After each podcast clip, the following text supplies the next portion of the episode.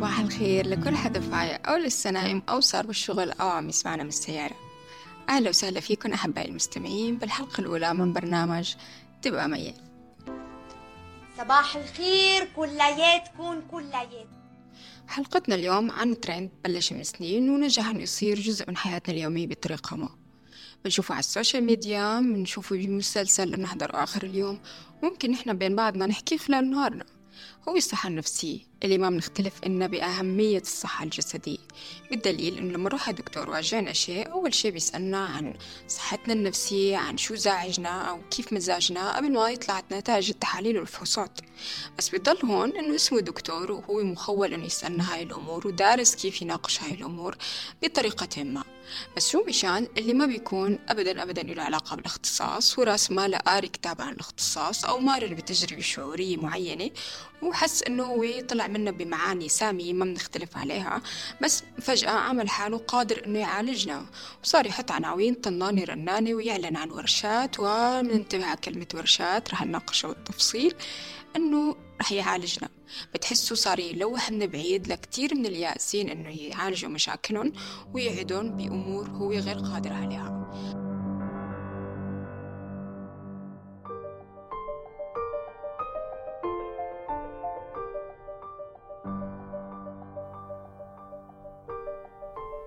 هالمواضيع رح نناقشها خلال حلقتنا اليوم. رح نتساءل سوا كيف صحينا ولقينا المرض النفسي صار ترند؟ كيف مو طبيعي إنه نكون سويين نفسيا؟ مصطلح السوية النفسية بحد ذاته ليش صرنا نحسه جاي من المدينة الأفلاطونية؟ مصطلح الدرامة يا عمي كان زمان على أدور أهالينا كان موجود. حاليا ما تقنعني ما واقعي ليش ما واقعي مو هذا الشيء اللي خلقنا عليه. فطرتنا السليمة البشرية إنه نخلق سويين نفسيا. مين مستفيد من إنه تضيع هذا المفهوم الثمين لما نروح بين إيدينا؟ نحن نحن شو مستفيدين لما نقتنع بكمشة اضطرابات نفسية عم تدرج بالسوق؟ مو بالضرورة نكون عم نعاني منها. أكيد في مكاسب ثانوية لما بيطلع قسم منا وبيدافع دفاع مستميت عن بعض تجار الصحة النفسية. هالتجار اللي حولوا مصطلحات إلى أهميتها وإلى ناسها اللي تدرسها وإلى مرضاها اللي عم يعانوا بشكل حقيقي من جحيمة شالوها هيك وخلوها كتير مصطلحات شائعة لدرجة صرنا نحسها استكرات هيك بسهولة يعني إنه أنا بجيب استيكر وبيجي تجربة حياتية عندي بحط هالستيكر وبطلع منها بنط على مشكلتي بدون ما أحاول لاقي لها حل. ال sticker أعطاني سبب مقنع أعطاني معنى حلو وساعدني إني أتجاوز موضوع بدون ما أعذب حالي وحله والمعالج تبعي طلع يا سلام. أي علم بده يدرسه ما في داعي لا يحط لي خطة علاجية ولا شيء. حط لي هذا ال sticker ونطينا على اللي بعده هل هذا منطقي؟ مثل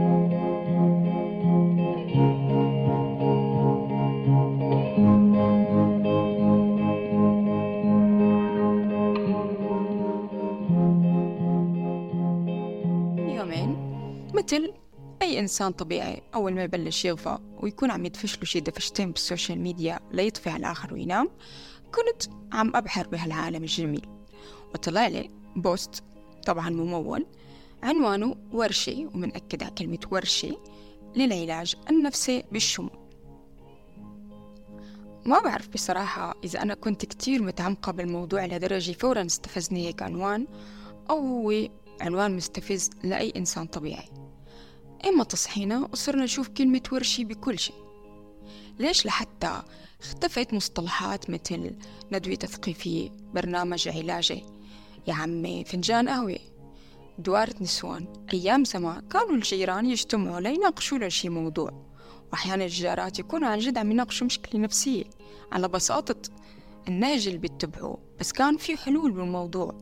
يا عمي قبلانين تكون أي جماعة اسمها دوارة نسوان صباحية عسرونية هل من الطبيعي أنا أحس حالي رايحة أتعالج بشيء ما بيذكرني غير بمكنسيان السيارات؟ بس لما بنفوت لعمق الموضوع بوست العلاج بالشموع لما فورا فتت على الصفحة واكتشفت إنه اللي عم توعد بالعلاج وتلوح فيه من بعيد كأنه كسير الحياة.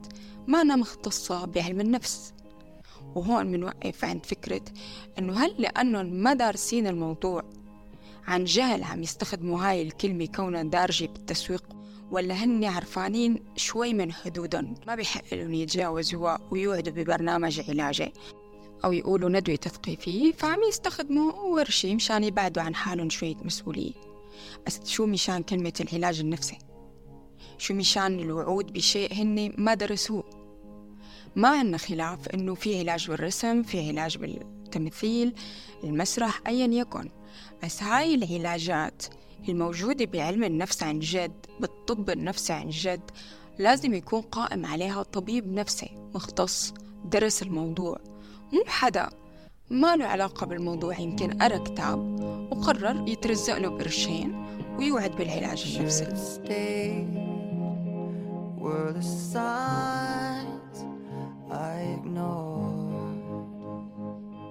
السؤال المفصلي اللي بينهي جدلية العلاج بالرسم مثلا كتير طاشة. لما حدا عم يقوم يحط post ترويجي يحجز ساعتين بكافيه ويحط شي post ممول عن إنه رح يعالج العالم بالرسم. هل هو درس أكاديميا كيف يقرأ نفسية العالم من رسماتهم؟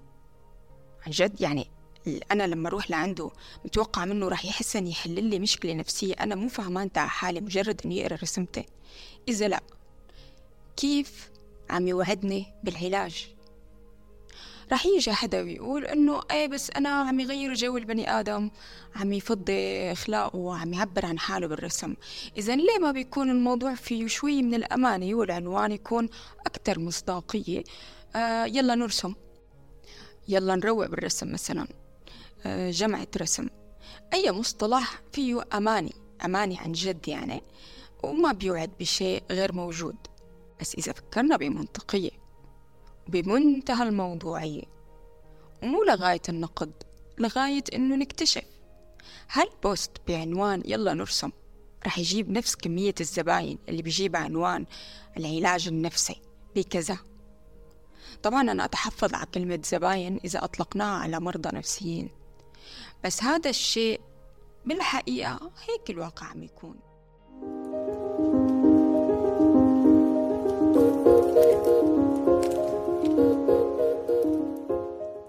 ما كنت متضايقة من البوست اللي صادفته.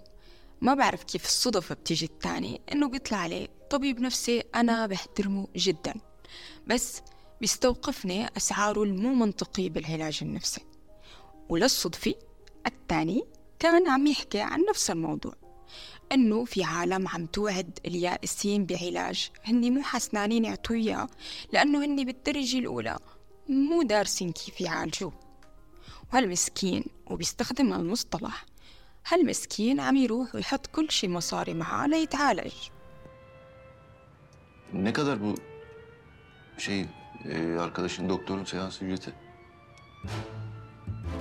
Üç, 300. Yok 30 TL aslan. 3000 3000 mi? Kızım şaka mı yapıyorsun sen? Ne 3000 ya? Ya kalk gidelim. Gerçekten kalk gidelim. Ay aslan saçmalama. Sanki ne bu kadar anlatacağım parayla ben 3000 derdin lira? varmış Ne gibi. anlatacağım 3000 lirayı ben anlamadım. Sen bana 1000 lira ver ben ömür boyu seni dinleyeyim. فترة كتير طش على الانستغرام خاصة فيديو متاخذ من مسلسل أنا وعائلتي اللي هو ببطولة كيفانش اللي بنعرفه نحن بالمجتمع العربي مهند. لما بيكون عم يسأل مرته قد إيه دفعتي أجرتها الساعة اللي جايين؟ إياه للدكتور النفسي. وبتقول له 3000 وبينصدم صدمة عمره مع إنه من عائلة إقطاعية تقريبا رأسمالية أيا يكن. وبيقول له 3000 أنا بسمع فيها قصة حياتي كلياتها. بسمع كل حياتي مقابل 3000 والموضوع ما أبدا كوميدي على فكرة. أنا شخصيا مرة كان عندي نوع من الاحتراق الوظيفي وحسيت إنه لازم أشوف حدا يساعدني. واتصلت وما خليت عيادي والرقم اللي كان ينعطى لا يقل عن 2000 ليرة تركية بالساعة. وهذا الرقم لنحن اللي عايشين هون بتركيا طبقتنا خاصة نحن الموظفين. ما له رقم عادي 2000 ليرة للساعة للساعة. يعني مو جلسة مدة ساعتين ثلاثة ساعة. يعني أنا يا دوب بكون حكيت للدكتور شو وجعي ب 2000 ليرة. وهو هسه بده 2000 تانيات إذا كان بده يبلش يحكي. فهلا هي أرقام طبيعية.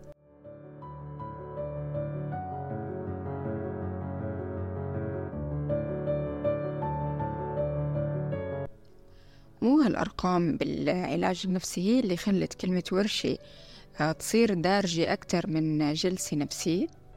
الحجز بورشة آه، أقرب للناس من كلمة حجز موعد بعيادة نفسية. بمقال نشرته هانا وينز على موقع فايس بتقول إنه من عام 2016 صار الصحة النفسية كتير موضوع رائج حتى إنه مقالتها كانت بعنوان كيف تم تسويق الصحة النفسية لدرجة فقدت معناها. المقال توصف العلاج النفسي إنه صار شيء من العلامات التجارية صار عم يتسوق له تماما كأنه علامة تجارية. وبيناقش دائما الاكتئاب والقلق وعناوين طناني رناني. بينما ببعد كل البعد عن الحالات طويلة الأجل اللي هي بالفعل بدها علاج كتير متخصص مثلا اضطراب الشخصية الحدية أو حالات الذهان. وأحيانا عم يصور الانفصام على أنه مرض كتير خطير لدرجة ما عم يساعد المريض قد ما عم يأذيه بالفعل. وبيصير أحدنا لما بيسمع عن حدا عنده انفصام عم يبعد عنه عم يشوفه بباله كأنه شي مجرم خطير ما بنعرف إيمت ممكن يكون أحد ضحاياه. وهذا الشيء بالفعل الوجه السلبي لأي ترويج ممكن يصير لما بيتعاملوا فيه المعنيين كشكل تجاري أو كشكل يلموا في لايكات على أقل تقدير. بس وين رأي المختصين؟ اللي بيعجبني مثلا باللي بيكونوا دارسين الموضوع خاصة الأطباء بمعنى أطباء طب بشري وبعدين اختصوا طب نفسي. أهمهم أحمد أبو الوفا وأحمد عبد الكريم. اللي عاملين مشروع اسمه بالعربي مشروع التوعية النفسية باللغة العربية موجودة على اليوتيوب. واللي لفتني واللي كتير احترمته بالموضوع إنه مع إنهم أطباء نفسيين ومعروفين وبتلاقي إنه عندهم محتوى كتير قيم على ال social media لما بيحكوا بما يخص الطب النفسي. ومع هيك بداية كل فيديو كل فيديو مو بداية السلسلة كل فيديو بيطلع فيه دكتور أحمد أبو الوفا. وبينوه إنه هذا مجرد توعوي محتوى توعوي للعلاج النفسي ولا يغني عن العلاج. وإذا كنت متابع مع, مع طبيبك بنصحك أنك دائما ترجع له بأي شيء ممكن يخطر لك وأنت عم تتابعنا. قد هذا الشيء كتير رائع. قديش لما بتشوف في موضوع ترندي عم يتناقش حتى بس عم يتناقش بأيدي خبيرين. أنا لما بدي يكون بدي ألحق موضوع أنا عم أخده من مصدر موثوق. وهالمصدر ما عم يتاجر بوجودي هو عن جد عم ينقل بأمانة علمه ما عم يحتكره. وهذا الشيء بنلاحظه لما بيكون الدكتور أحمد عبد الكريم عم يقول من ضمن المعايير الأخلاقية الأساسية للطبيب النفسي أو الأخصائي النفسي إنه ما يقدرش إنه يحكم على تشخيص حد غير لما يكون عمل له مناظرة إكلينيكية وتابعه لفترة معينة وكمان استأذنه إن هو يدي معلومة.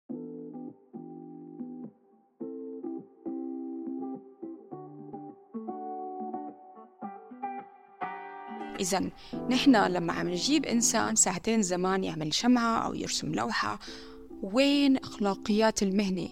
ولا نحن المهم نصير ترند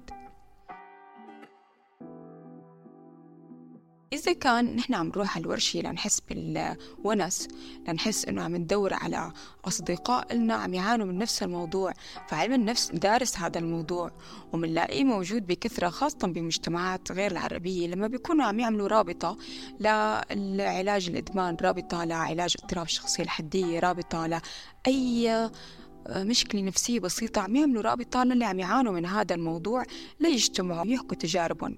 في طبعا العلاج الجماعي اللي بيكونوا مجتمعين كلياتهم عندهم نفس الأعراض نفس المرض بس بيكون دائما بإشراف طبيب نفسي. عم يدير الحوار بالدرجة الأولى طبيب نفسي. عم يعرف كيف ما يكون في حدا عم يأذي الثاني بحكيه وكيف درجة المشاركة لهون فعالة. شو اللي عدا؟ ما بدا. طبعا كل تجاربنا النفسية نطلع منها من اضطراباتنا وبنحاول نساعد حالنا وما بنغرق بدوامة المرض على حساب إنه نحن نكون عم نساعد بالفعل حالنا. هاي تجارب تحترم بس قديش مقدار فينا ناخدها؟ كمرجع طبي أو برنامج علاجي لغيرنا ونوظفها بطريقة أشبه بالتجارية هذا أمر بالفعل لازم نكون عم نوقف عنده ونتساءل ونسأل ضميرنا هل هذا الشيء منطقي مقبول إنساني؟ من التجارب اللي فينا نعتمدها بالفعل كمرجع طبي هي التجارب اللي مروا فيها أطباء نفسيين. أخصائيين نفسيين دارسين العلم مختصين بين إيديهم علاجات مجربة ما شيء تجربة شخصية بحتة أو آه، منعطف درامي بحياتهم هن اعتمدوا على العلم بالدرجة الأولى وأحلى مثال لهذا الموضوع هي مارشا لينيهان اللي اكتشفت اضطراب الشخصية الحدية اللي كانت هي نفسها مصابة فيه. أول ما شخصوا لأنها هي بالأصل كانت عم تشوف إنه الأعراض اللي عم تمر فيها ما أنا عم تشوفها باضطرابات تانية بشكل كامل إنما عم تتقاطع بطريقة معاه مع الموجود. فلقيت إنه هو الشيء اضطراب منفصل بحد ذاته اسمه الشخصية الحدية. وتعاونت مع فريق الطبي لأن توجد علاج سمته لاحقا بالعلاج الجدلي السلوكي. إذا فهي اعتمدت على علمها لتطلع من معركتها النفسية وليس على شوية دراما. كتبتهم بكتاب وبعدها عملت صفحة إنستغرام وقالت تعالوا أنا عندي إكسير الحياة. لا هي كانت بالفعل أمينة بمحاولتها لتجاوز محنتها ومحنتها بتساعد غيرها يطلع من محنته كمان.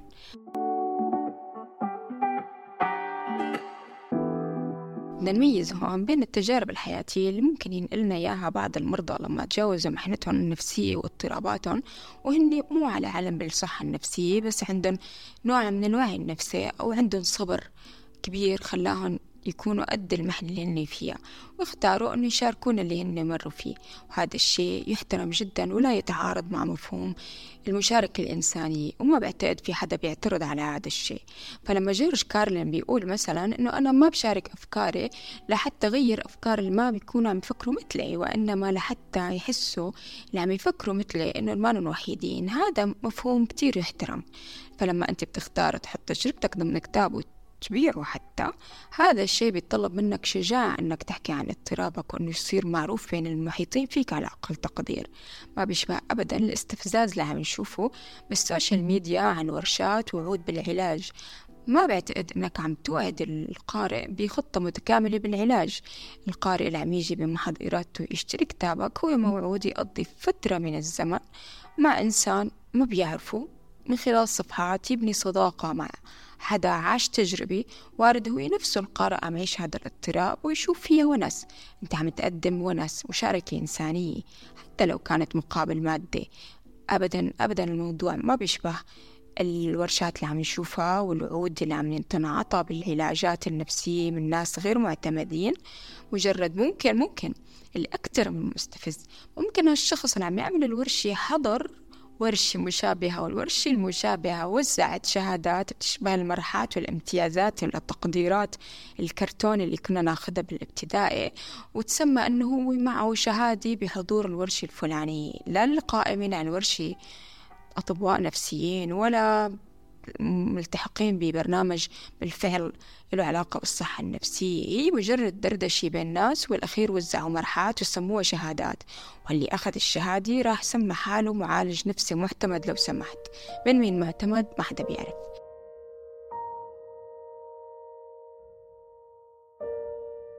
هاد بالنسبة للورشات والمعنيين فيها واللي عم يتعدوا على المهنة. والاستيكرات اللي عم تتروج بس شو بالنسبة لنا نحن على الأطراف اللي عم نحضر هيك ورشات أو عم نسمع فيها ونروج لها بطريقة ما عم نتقبل وجود هالاستيكرات وندعم ترندات شو مسؤوليتنا من هذا الموضوع؟ هل من المنطقي إنه كلياتنا مع المشاكل السامة وموقعين حالنا فيها ما حدا فينا اللي طلع هيك حربوق وحسن يهرب من هيك أمور مثلا مو منطقي هل هي زوم بينقض علينا فجأة على البشرية وصار يأكل بحياتنا كلياتنا؟ ما بعرف. الفكرة إنه أكيد في حل لهالعلاقات اللي عم نعيشها للتجارب الحياتية اللي عم نمر فيها. ما مثل فكرة إنه سرعة تكرار العلاقة. فورا نحط هاي علاقة سامة شيلوها من وجهي هذا الشريك نرجسي لا تجيبوا لي صورته. أنا أساسا عندي مشاكل مع أهلي. يلا هذا الطفل الداخلي آه ما في أمل إني أغير طبيعتي. مو منطقي خلينا نتفق إنه مو منطقي Trauma is a trend these days. It is a joke. Everything is trauma. Arguing with a friend is trauma. Getting bad grades is trauma. They need to grow up.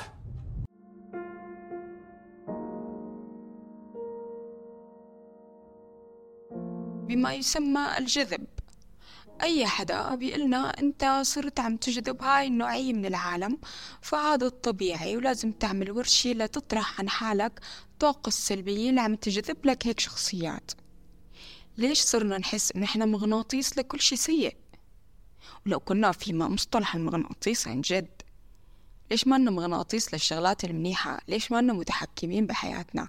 في طبيب نفسي كتير بيحترمه اسمه أحمد أعور ناقش بنوع من الحزم الأمراض النفسية. ليش دائما بتحس حالك ضحية؟ ليش دائما بتحس إنه الشي فيه شخصني استرجل وكلمة استرجل بتمشي على الزلمة والمرأة على حد سواء. اللي ما طبيعي إنه كل العالم متقسطينك كل العالم عم يستغلوك. أو أنت فريسة سهلة أكيد في خلل لازم توقف عنده وتعالجه. ما دائما المشكلة بالآخر أو بعلاقتك مع الآخر قد ما هي مشكلة لازم أنت تحلها بنفسك. تقوم تفز وتوقف شحتفة هو الطبيب مصري وكتير حلو الطريقة اللي بيناقش فيها. نوقف شحتفة نوقف بكي وعقليات الضحية حتى مصطلح عقلية الضحية صار كتير مسوق له بدرجة إنه الضحية ذات نفسها ما عم تاخد حقها.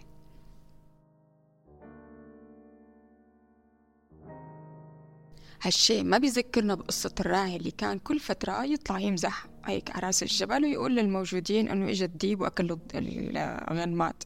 ويركضوا العالم لينقذوا له الغنمات يشوفوا إنه مزحة. مرة بعد مرة بعد مرة اجى الديب عن جد وأكل الغنمات عن جد وبلش يعيط الراعي وما حدا رد. ليه؟ لأنه ملوا من كتر ما هذا الشيء سمعوه ملوا من الترند. قديش في ضحايا للعنف الأسري عن جد سواء جسدي أو لفظي. ما حدا عم يسمع صوتهم لأنه فكرة أنه دائما في الطفل الداخلي وجراح الطفولي وأهل ظالمين كتير مسوق له لدرجة ما حدا يميز بين ضحايا الأهل عن جد وبين اللي هو متعامل على أنه كل العالم اللي مروا بحياته كومبارس. وبس ابوه وامه هن اللي كانوا قايمين بكل شيء وهن آه، جلادين حياته. وين باقي العالم؟ خاصة بمجتمعنا اللي صرنا بحالة حروب وطلعنا وشفنا ناس تانيين عشنا بدول تانية شنطتنا الحرب بحد ذاتها معنا كتير لعب مهم بحياتنا النفسية. كيف فجأة بس أبونا وأمنا هن المسؤولين عن كل انهياراتنا عن كل أنواع فشلنا. ومقدار الفشل مصطلح فشل قديش هو صار كتير كمان عم يتاجر فيه. لما بيجي حدا بيطالبك تترك وظيفتك وإنه آه كونك موظف فرح تضل هيك وهذا الشيء رح يجيب لك الفشل وقوم صير رائد أعمال. بيوعدك بحل آه، كل مشاكلك المادية مقابل كورس رح تحضره معه. وهذا بيكون كورس مجرد تحفيز وحكي بعلم النفس وعلم الطاقة وشحذ الهمم وما له علاقة أبدا بعلم الاقتصاد. قديش في دارسين بعلم الاقتصاد متمكنين جدا من الموضوع؟ والأولى نسمع عن إلن وما بيكونوا عم يطلبوا أجر على عم يحكوه.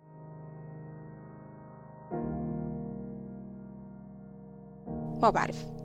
إيمت بدنا نصير نروج للسوية النفسية.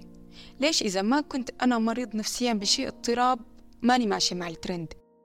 كيف في ناس عم يروحوا يتعالجوا وعم نشوف فجأة نفسيتها عم تصير أسوأ؟ تعامل مع تعاملهم مع العالم عم يصير أردأ. عم يصيروا عدوانيين مع كل الأطراف. بتحس الطبيب النفسي أو المعالج النفسي عم يشجعهم إنه هيك بتحب ذاتك. ما ما بتحسن. تعرف يعني ما بتحسن تلاقي جواب غير إنه لأنه هذا الشيء الترند اللي دارج أنا إذا بدي أقعد إلي مكانتي وإلي كلمتي و... وأعلق بذاكرة العالم لازم يتذكروني إني عانيت. ما عندي معاناة فبدي أخلق لحالي معاناة. لدرجة إنه بالفعل في حدا مر بحياتي مرة وقت ما فقعت قلت له قلت له أنا حاسة عندك ماني عم شخصك لا والله بس إذا كونك عم تروح وتكب مصاري اسألني عن الفراغ الوجودي. بيجي بينبسط. بيقوم بيرقص مثل عصفور الدورة. يعني ما شفت حدا انبسط إنه من كلمة حدا قال له إياها. وكأنه اليوم اصطاد صيدة جديدة. رح يرجع بسمكة جديدة على البيت. لقى مصطلح جديد. هوني حسيت يا الله العالم عم تجمع بوكيمون. أسماء المرض والاضطرابات النفسية صارت تجميع بوكيمون. ما عادت أبدا تتاخذ بمصداقية أنا أبحث عن حل. إنما أنا أنا أنا موجود. أنا عندي اضطراب أنا موجود. أنا أعاني أنا موجود. فقديش شي بيزعل قديش شي بيزعل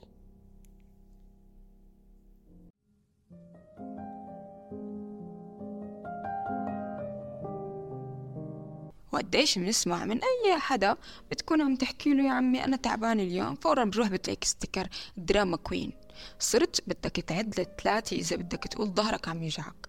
دائما في sticker جاهز. لأنه تعرفوا عليها جديدة من ال social media. أي موضوع أنت ممكن تكون عم تحكيه بمسخرة فورا يروحوا يسموك عم تعطيهم طاقة سلبية. لما بنكون بعلاقة مسمينا سامة. هل فتحنا بشكل مختص وقرينا عن العلاقة السامة في حال ما كنا حسنانين نروح ندفع المبالغ الطائلة لطبيب مختص. بفيديو للدحيح بيحكي فيه عن العلاقة السامة وبتعاريف كتير مختصة. تفاجأت شخصيا إنه الموضوع كتير معقد لحتى نوصل لأنه نقول هاي العلاقة سامة. ما أنا شغلة إنه حدا بس ما تقبل عاطفتي اتجاهه أو أخذ ما عطى فأنا صحيت قررت حط عليه ستيكر إنه ينرجسي وإنه أنا بعلاقة سامة. وارد نوعية العطاء اللي أنا معطيها ما متناسبة مع اللي هو متعود ياخده أو مع مفهومه وتعريفه للحب والارتباط بشكل عام. وهذا الشيء رح نيجي على شرحه بالتفصيل بحلقة الحب غير المشروط الوجه الآخر لهذا النوع من الحب.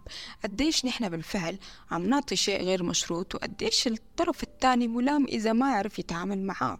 وهل دائما الموضوع اسمه علاقة سامة؟ هل اللي بياخد ما بيعطي دائما نرجسي؟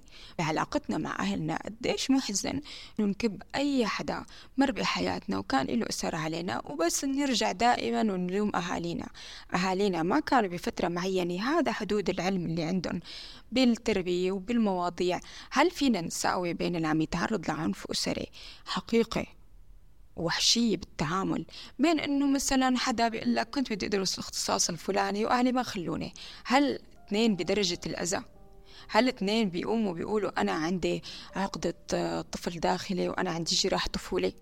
هل مثلا اللي بتتزوج بكير برغبتها وبإرادتها البحتة وإنه هي هيك مبسوطة إجاها عريس وهي شافت حالها أساسا على رفقاتها لما تجوزت بكير بعد فترة لما بتوعى على قرارها الخاطئ لازم يكون عندها اسمه شيء جرح طفولي وتضل تلوم أهلها دائما صح؟ الأهل إلهم دور وكان لازم واعينا ومو مو موافقين بعمر قاصر إنها تتزوج. بس هل بتتعادل مع اللي عم تنضرب؟ لا تتزوج غصبا عنها. مو لازم يكون دائما في وقفة نصفا بجذر المشكلة مو أحيانا الدلال بحد ذاته عم يأذي. وهذا الشيء ما بنعرف قد فينا نلوم عليه الأهل اللي صاروا محتارين هل ندلل الولد يروح يلومنا ولا نقسى عليه كمان يرجع يلومنا؟ ليه ما بيكون في شوية من المسؤولية على نفسنا على عقليتنا؟ كتاب آه البحث عن المعنى اللي بيحكي عن سجون النازية وكيف في حالات لما ما عاشوا شيء من مشاكل الحرب اللي عاشوها كتير ناس وكانوا برفاهية عن أي نوع من العذاب النفسي. حسوا فجأة أنه هني ما في معنى لوجودهم وبلشوا يغرقوا بحالة نفسية تم الاصطلاح على تعريفها الفراغ الوجودي. قديش في نسبة منيحة من الموجودين بمجتمعنا عم يعانوا من الفراغ الوجودي بس سموه اكتئاب سموه قلق سموه مشاكل مع الأهل. وهن بالفعل صاروا طرف كتير مزعج لشركائهم بس راحوا يسموا حالهم علاقات سامة لأنه الشريك مو حسنان يعبي الفراغ الوجودي. ايمت بدنا فيه ويكون المصطلحات الترندية السامة انتهت أو بلش ينحط لها حد. وإذا كانوا لابد بده يكون في ترندات دارجة تكون أقرب للرحمة. ليش الرحمة مو ترند؟ ليش الحب غير المشروط مو ترند؟ ليش الإنسان السوي مو ترند؟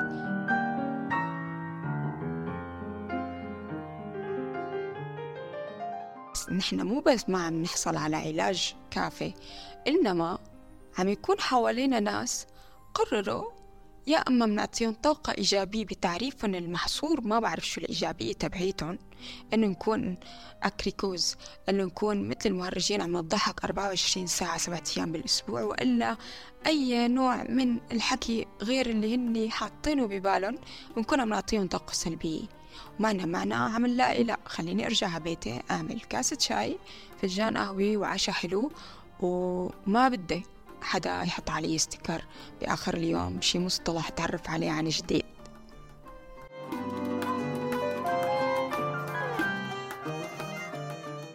مثل ما بتقول جيني ريغان بمنظمة Mind الخيرية للصحة النفسية.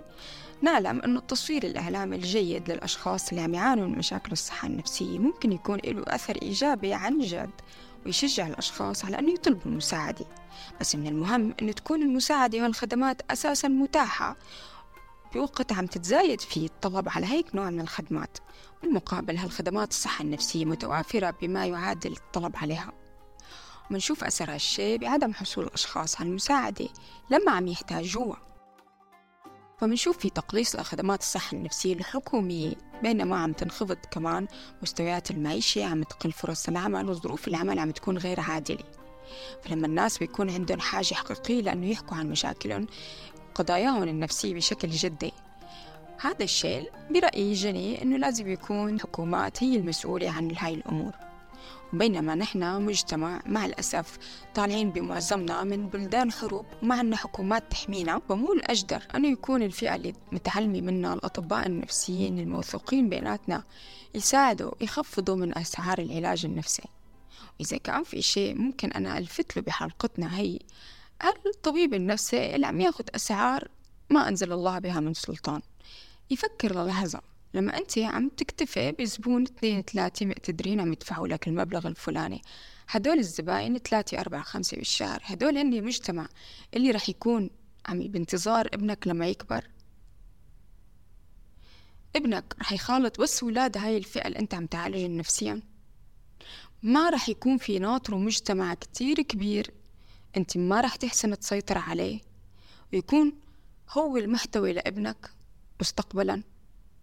لما تكون جزء من علاج المجتمع هاد مستقبلا ما رح تكون عملت ولو شوي لصالح طفلك. إذا بدنا نبلش نخاطبك بمصلحتك الشخصية كونه الأرقام اللي عم تنطلب بالعلاج النفسي ما بتدل كتير على إنه الشخص ما عم يفكر بالمادي لا عم يفكر بالمادي وبيفكر بالنتيجة بمصلحته فخلنا نفكر بمصلحتك بمصلحة ابنك منطقيا.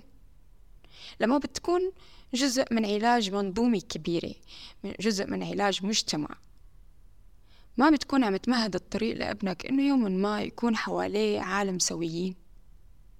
أكيد إنك تربي ابنك أحسن ترباية وتوفر له كل شيء مو شيء كافي لأنه يعيش حياة سعيدة مستقبلا إنما بمحيطه. قد إيه في قسم كبير منا خاصة بعد ما تغربنا بنكون سويين نفسيا وحلوين وتربين ترباية حلوة. بس المجتمع اللي عم ننخبط فيه ما عم نحسن نتأقلم معه والطبيعي إن ما نتأقلم معه. فعم نرجع ونسكر على حالنا الباب ونوقف أبدا تعاملاتنا الاجتماعية. خلال حلقات البرنامج رح نناقش مواضيع بنتمنى نصحى يوما ما ونلاقي صارت ترند مثل الرحمة الشعور بالآخر الحب غير المشروط. ومو ترند لكثرة استخدامها أو كثرة ترديدها وإنما لما نبلش نفهم هي كيف فينا نستفيد منها كيف هي تكون حل كتير مشاكل عم نواجهها بحياتنا اليومية. وما أنا شيء بفزلك أو شيء خارج الصندوق وإنما هي شيء بمتناولنا شيء انفطرنا عليه خلقنا فيه. وبناء على شو قالوا فيه علماء النفس وكيف يوجهونا الأطباء النفسيين لأنه نستخدمه. وليس بناء على تجربة شخصية أو حتى رأيي أنا الموضوع كتير أبسط من هيك بس طبعا البرنامج ما بيعدكم بالعلاج ولا بيقولكم هو بديل عن العلاج وإنما هو أشبه ب لما نميل على بعض ويحكي لنا جارنا عن موضوع أرى وهذا كله بهدف إنه يوما ما يا رب نصحى ونلاقي مجتمعنا صار سليم سوي نفسيا. صارت فكرة الرحمة هي المتداولة إنه الواحد يفكر بالآخر هو الشيء اللي بديه إنه يحب حب غير مشروط هو الحل مو ينهي علاقته بأنه يحط عليها sticker من الترندات المسممة حاليا أنه نبلش نوقف سيل هاي الترندات اللي ما إلى أي صالح غير أنه تهدم مجتمعنا. أو إذا كنا بدنا نستخدم بعض العبارات نكون عم نفهم بالضبط شو جذورها وكيف فينا نستخدمها. لازم يصير في وعي بمكان والوقت المناسب للاستخدامات مو لأنها ترند.